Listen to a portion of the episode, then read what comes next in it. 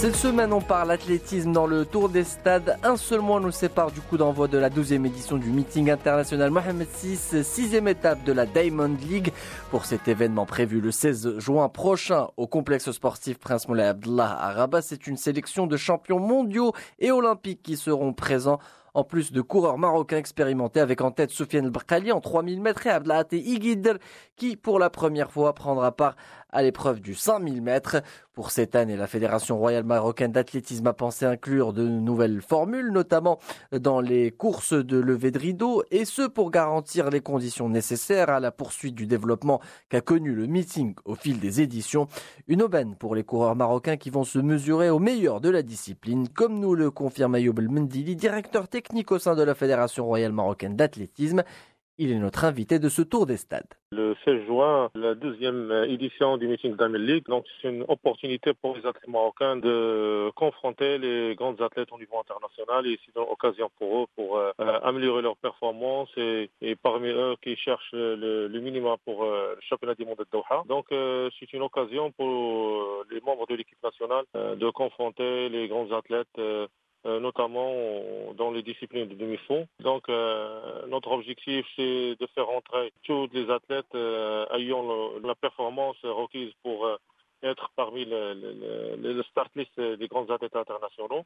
Et nous avons aussi un, programme de levée de rideau euh, destiné aux, athlètes des centres de formation et les athlètes aussi espoirs qui n'arrivent pas à décrocher une place euh, dans les start list euh, de concourir de 1500-800 mètres dans le programme de l'avant-programme. Donc notre objectif c'est d'engager le maximum de nos athlètes de ce meeting pour, comme j'ai dit, pour améliorer leurs performances et chercher le minimum du championnat du monde. Alors le Maroc aura la chance d'abriter cet événement international. Il sera difficile pour les athlètes marocains euh, de bousculer euh, des noms euh, connus sur la scène mondiale. Mais est-ce qu'il y a concrètement quelques chances de médaille durant ce meeting de Diamond League? Effectivement, nous avons notre athlète star marocain, Soufiane El qui a réalisé la meilleure performance de la saison au meeting de Doha.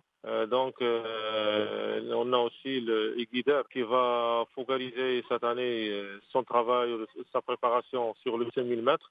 Donc, il va courir le 6000 mètres au Damel League et Rabab al et autres athlètes. Donc, notre but, c'est de, comme j'ai dit, de faire entrer nos athlètes au meeting Mohamed VI pour courir au, haut niveau. Comme vous savez, le, meeting de Damel League, son niveau, il vient au troisième après le championnat du monde et les Olympiques.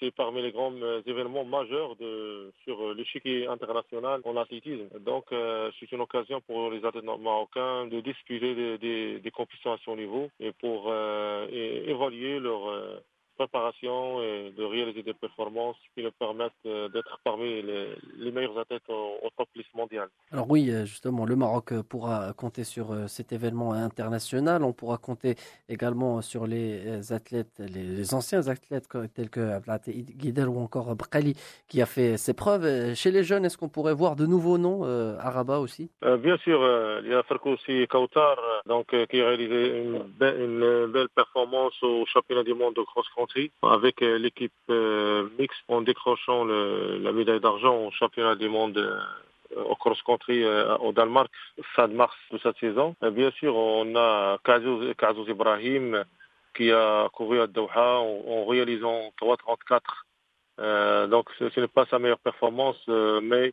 il, s'approche de sa meilleure performance. Et on a d'autres athlètes, comme je dis, comme Rabab et autres jeunes espoirs. Donc, comme je dis, c'est une euh, occasion pour nos athlètes marocains de courir euh, des, des meetings euh, comme meeting Mohamed Sadis. L'occasion est donc idéale pour les athlètes marocains de briller au niveau international et de se mesurer aux champions internationaux.